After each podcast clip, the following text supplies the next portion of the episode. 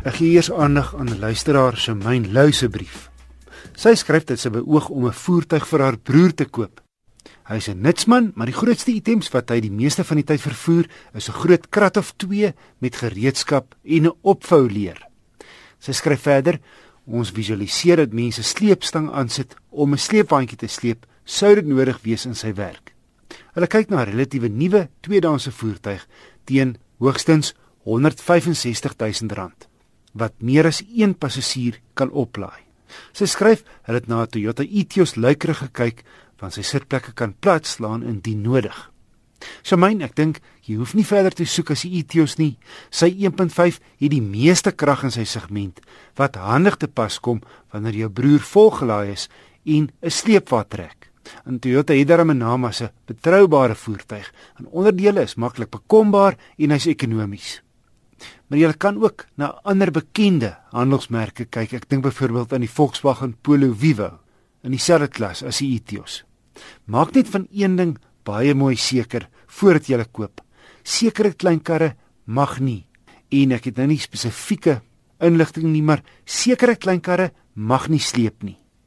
Enige motornavraag kan aan my gerig word deur te e-pos na wissel@rsg.co.za.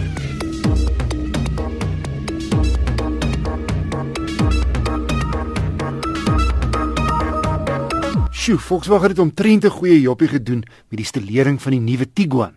Veral die R-line pakket waarmee my toetskar uitgedos was, gee die Tiguan 'n sportiewe en aggressiewe voorkoms.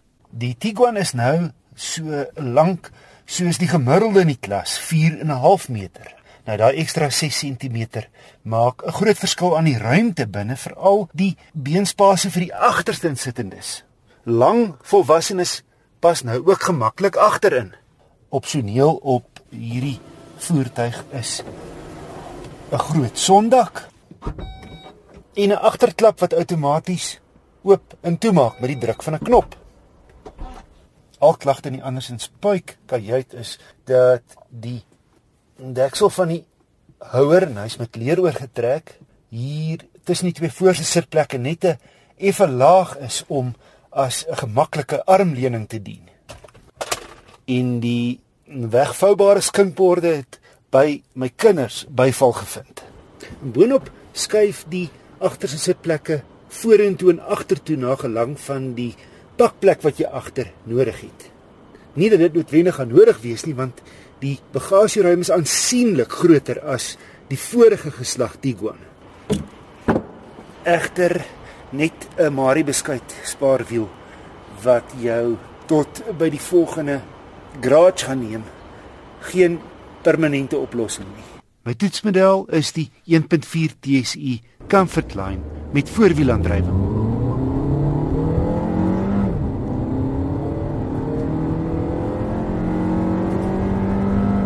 Sy 1.4 turbo petrol skop 110 kW en 250 Nm uit, heeltemal voldoende.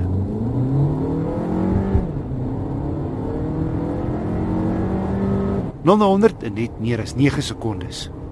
Wel 'n skoot turbo traagheid met die wegtrek. Die DSG radkas outomatiese skuwe is egter blitsig. Die gemiddelde verbruik op my toetsroete was 8,7 liter per 100 km.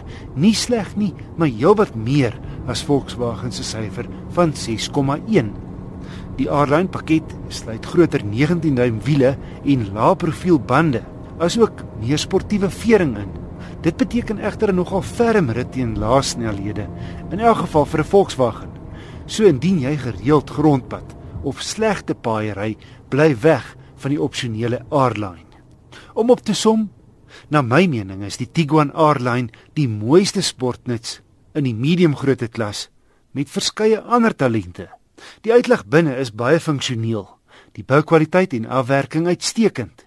Opvallend min pad en windgeraas in die kajuit baie gerieflik en billik toegerus. Die Tiguan 1.4 TSI is teen R465 000 'n uitblinker. Die R-Line pakket voeg R18000 by die prys en dan die ander opsies toegerus op die toetsmodel, die elektriese panoramiese sondak 'n bykomende R10500 terwyl die elektriese agterdeur 'n R5000 opsie is.